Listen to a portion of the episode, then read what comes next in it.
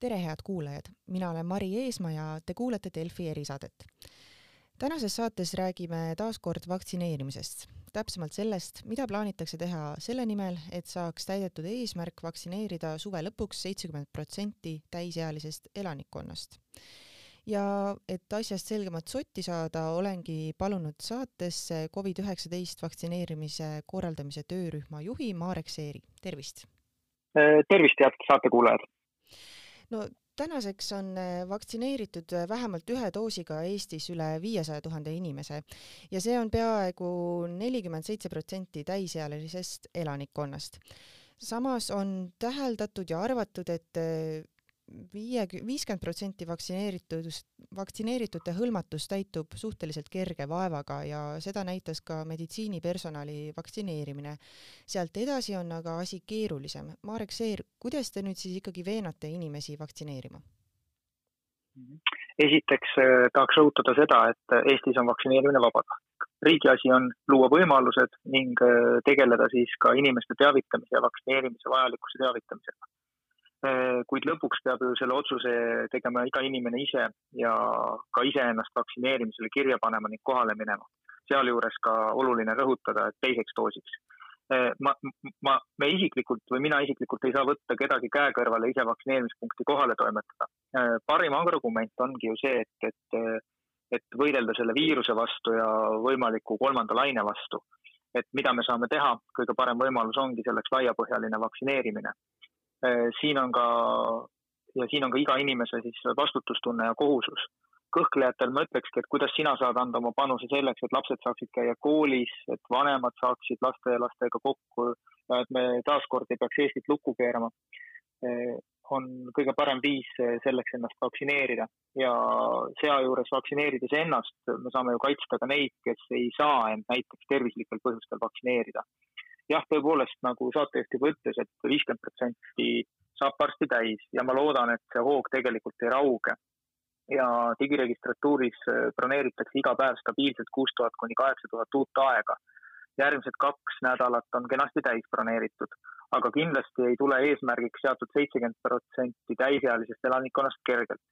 no kuidas ma veenan, üks on see, et äh, siin on erinevaid võimalusi, ka see intervjuu on ju osa sellest veenmisest vaktsineerime tööandjate kaudu, kui ettevõtte juht kutsub vaktsineerijaid töökohta või broneerib inimestele vaktsineerimiskeskused ajad, siis äh, noh, nii-öelda keskselt, et äh, saame viia ju ka inimesed lepitada vaktsineerimiskeskusega kokku ja, ja siis see otsus tuleb ju kergemini. me saame selgitada, me saame saata email'e ja otsepostitusi, kus me anname teada vabadest aegadest ja kutsume vaktsineerima ja tegelikult siis järgmisel nädalal on algamas ka suurem üleriiklik kampaania, kus me kutsume inimesi ennast vaktsineerimisele kirja panema. kohe räägime sellest kampaaniast ja ka tööandjate juures vaktsineerimisest äh, täpsemalt, aga ma, nagu te ütlesite ka, et siis praegu järgnevaks kaheks nädalaks on äh, vaktsineerimise ajad juba kinni pandud Ehm, samas nagu doose justkui näib olevat, et eh, miks neid süste ei saaks kiiremini ära teha, miks neid vabu aegu ei võiks nüüd nendesse järgmisesse kahte nädalasse veel juurde lisada, miks see peab jääma juuni lõppu mm.? ma ei saanud päris hästi nüüd küsimust aru, aga ma püüan tabada, et et ega me ju süstime tempos vaktsineerimiskeskusega noh, circa kuuskümmend tuhat doosi per nädal, mis on kaks koma kaks, kaks koma kolm protsenti hõlmatust, et et see tempo ei olegi nii väga aeglane, aegu me avame ju jooksvalt, et vastavalt sellele, kuidas, kuidas ajad täituvad, me avame järjest, järjest ettevaatavalt ka uusi aegu. Ja täna on nii selle nädala kui järgmise nädala ajad, nagu ma ütlesin, on enam-vähem täis, aga, aga sealt edasi ju leiab neid aegu no minu küsimus oligi see, et, et nagu uusi aegu leiab järgmiseks, järgnevateks siis, mis tuleb mhm. pärast järgnevaid kahte nädalat, aga miks ei võiks näiteks panna kohe tuhat aega homsesse või ülehomsesse päeva?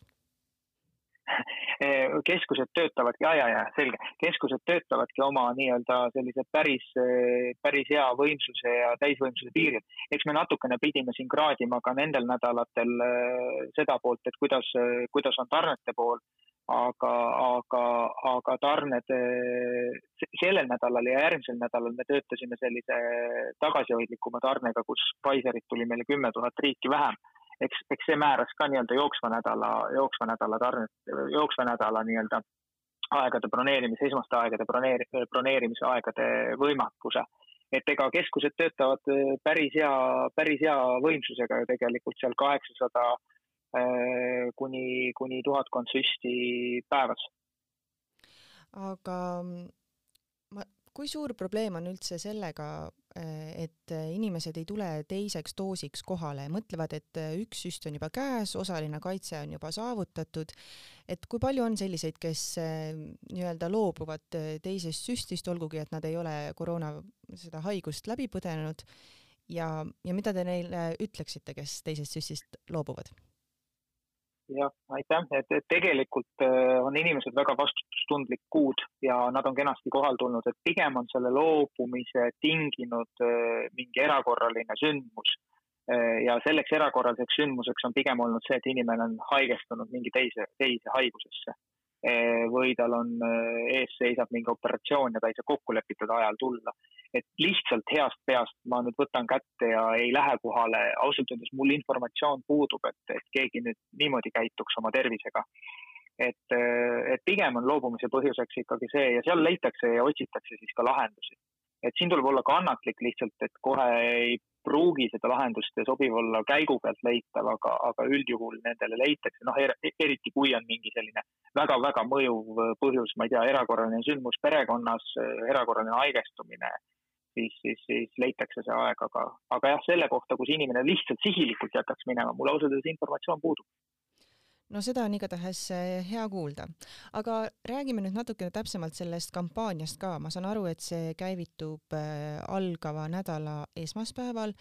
Eh, millele siis see kampaania täpsemalt rõhub, et me ühte vaktsineerimise kampaaniat juba oleme siin näinud ja see oli selline noh, kas just agressiivse tooniga, aga selline jõuline, ära kõhkle, vaktsineeri kohe, et milline on see uus algav kampaania?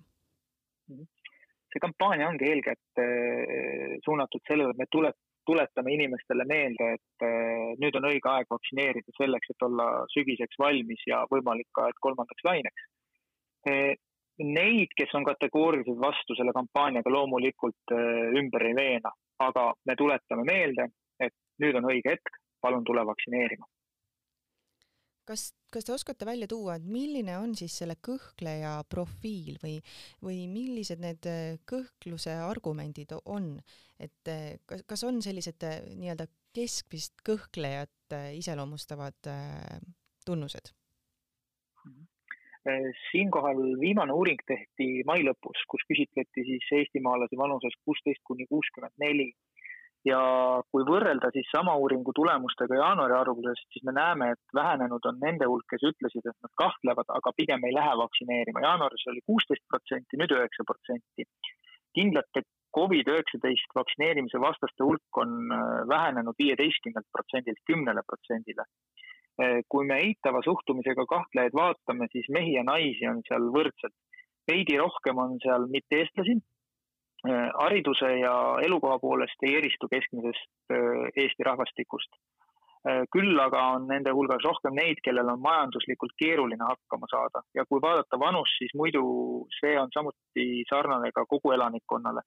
küll aga on kõhklejaid oluliselt vähem pensionäride hulgas. ehk mingit spetsiaalset homogeenset gruppi siin ei eristu aga räägiks ikkagi veel sellest äh, kampaania sisust, et äh, kas kampaania kujutab endast äh, plakateid, mingisuguseid videoklipikesi või on plaan ka nii-öelda minna kohale mingisugused kõneisikud, arvamusliidrid vastavalt sihtrühmale, korraldada loenguid, et oleks sellist vahetumat ähm, suhtlemist, veenmist? Mhm et me kasutame kõiki nii-öelda kanaleid, et, et, et, et ta tuleb TV-s, raadios, veebis, sotsiaalmeedias, välismeedias. ka vahetu kontakt kindlasti on see, kus, kus, kus tuleb võib-olla kohale minna üritustele ja, ja, ja, ja tutvustada ja nii nagu ma ka eelnevalt ütlesin, siis me tõepoolest tuletame meelde inimesele, et nüüd on õige aeg ennast vaktsineerida ja keskne hüüdlause sellel kampaanial on, et pane õlg, pane õlg alla ja, ja korraldame ka otsekohtumisi, kus näiteks doktor Arkadi Popov käib rääkimas vaktsineerimise kogemustest ja, ja, ja, ja, ja, ja selline üldine positiivne üleskutse, et selles mõttes, et pane õlg alla. Te mainisite siin Arkadi Popovi, kas oskate veel tuua välja konkreetseid nimesid, kes inimesi veenma hakkavad? jah, et tegelikult hea koostöö on olnud ka ka Tartu Ülikooli ja Ülikooli Kliinikumiga, kus äh, doktor Maimets käis siis näiteks Valga kohalikele omavalitsuse töötajatele rääkimas vaktsineerimisest ja vaktsineerimise vajalikkusest. kindlasti me selliste, selliste ürit-, selliste kampaaniatega ka jätkame ja sihitatult, et, et, et tõepoolest pane, pane, pane see õlg alla, see ei ole nii keeruline. Ja tule vaktsineerima. Räägime natuke sellest äh, töökohtades vaktsineerimisest ka, ma saan aru, et see on üks äh, meetod, mida tahetakse kasutada selleks, et seda hõlmatust kiiremini tõsta. kui paljud tööandjad on näidanud äh, üles huvi vak vaktsineerida töökohas ja kas neid on olnud oodatust vähem või rohkem? tööandjate poole pealt tuleb öelda tunnustavad sõnad, et huvi on olnud suur ja see on tegelikult väga hea Äh, Ida-Virumaal, kus me oleme seda praktiseerinud, on enam kui kaheksakümnest ettevõttest juba jõudnud töötajad äh, vaktsineerida. ja sealjuures me oleme palunud ka kutsuda oma pereliikmeid. Harjumaal me alustasime, praegu on siis äh, paarikümne ettevõtte ringis jooksvalt töö käimas, veel veidi üle saja ettevõtte on pöördunud. Ja siin on huvi tundnud mitmed ettevõtted, noh, võib ju ära mainida, et näiteks Norma, Swedbank, Maxima, aga ka teised. Ja ega kehtib ka see üleskutse, et töötaja võtaks kaasa ka oma pereliikme, eriti teretulnud on ju eakamad pereliikmed. nii et, et äh, tagasiside on väga hea ja ettevõtted on ääretult, ääretult tublid olnud. Aga kas tööandja ei pea pelgama seda, et pärast vaktsineerimise päeva on siis enamus personali äh, vaktsiini saamise järel kõrvaltoimete tõttu rivist väljas? et eh, kõrvaltoimed on eh, eri, inimestel ju avald, avalduvad erinevalt, et mõni tõesti põeb kuidagi raskemalt seda, aga, aga see, et nüüd ettevõte oleks eh, nii rivist väljas, noh, ma, ma, ma, ma, ma, ma ei, ma ei, ei ole sellist nii-öelda tagasisidet küll saanud ja see, see, see oht ei, ei, ei ole sellisel kujul küll realiseerunud ja ühegi ettevõtte tagasiside selline meil ei ole, et pigem ikkagi tunnustavalt, et, et me oleme saanud minna kohale või leidnud selle muu võimaluse, kuidas, kuidas inimesed ära vaktsineerida, et, et see on töö ettevõtjale ka nii-öelda selles mõttes ju päris hea oma töövoogu, töövoogu pla, planeerida. nii et asi on siis ikkagi korraldatud nii, et kui ühes Maxima poes on vaktsineerimine koha peale tellitud, siis kogu personal, kes on selleks soovi avaldanud, vaktsineeritakse ühe päevaga ära? ja selleks võiks olla selline noh, kriitiline mass inimesi, et päris ühe pärast ei ole ju mõtet välja sõita, aga, aga üldjuhul tööandjad on ikkagi selline paarkümmend inimest alati kokku, kokku, kokku saanud ja, ja tegelikult nende tervishoiuteenuse osutajatega, kellega, kellega neil on äh, tihe koostöö just nii-öelda töötervishoiu võtmes, seal leitakse need lahendused, kas A, tervishoiuteenuse osutaja läheb koha peale või tervishoiuteenuse osutaja juures leitakse lihtsalt näiteks, ma ei tea, kella kahest viieni selle ettevõtte inimesed. Omavahel neil kokkulepped, et me oleme vahendanud need kontaktid siis ka töötervishoiuteenuse osutajatele ja lõpetuseks ma küsiks veel nii palju, et eh, no praegu toimub enamus vaktsineerimisi ikkagi nendes vaktsineerimiskeskustes, aga kui meil siin kaitsepookimine lahti läks, siis eh, toimus see ju peaasjalikult perearstide juure, juures. kas praegugi veel tuleb oodata, et perearst helistaks ja kutsuks vaktsineerima või nüüd on ikkagi aeg ise endale eh, siis vastav broneering vaktsineerimiskeskuses teha? Ja praegusel hetkel tõepoolest, kus vaktsineerimine on avatud kodu, kogu elanikkonnale, varasemalt oli see tõepoolest niimoodi, et perearstid tegelesid ju riskirühmaga ja oma nimistupõhise riskirühmaga ja seal nad tegid ära tänuväärse töö. praegusel hetkel on aeg sealmaal, kus tuleb olla ise aktiivne ja endale aeg ise kinni panna. seda saab teha inimene kas digilugu.ee või telefonilt kaksteist nelikümmend seitse, et kui ei ole võimalik digilugu kasutada või see tundub keerukas, siis kaksteist nelikümne seitsmel on ka võimalik ennast kirja panna. Perearstid jätkavad praegu eeskätt riskirühma ja vanemaealiste, ealiste vaktsineerimisega, samuti teevad ka teisi doose. et on ka neid perearste, kes on valmis nii-öelda laiemalt nimistu piires tegema, aga jah, kõnet oodata ei ole, praegu on see koht, kus tuleb ise aktiivne olla ja ennast registreerida vaktsineerimisele. arusaadav aitäh, Marek Seer, selle intervjuu eest. Eh, head kuulajad, selline sai tänane Delfi erisaade. aitäh, et kuulasite ja kuulmiseni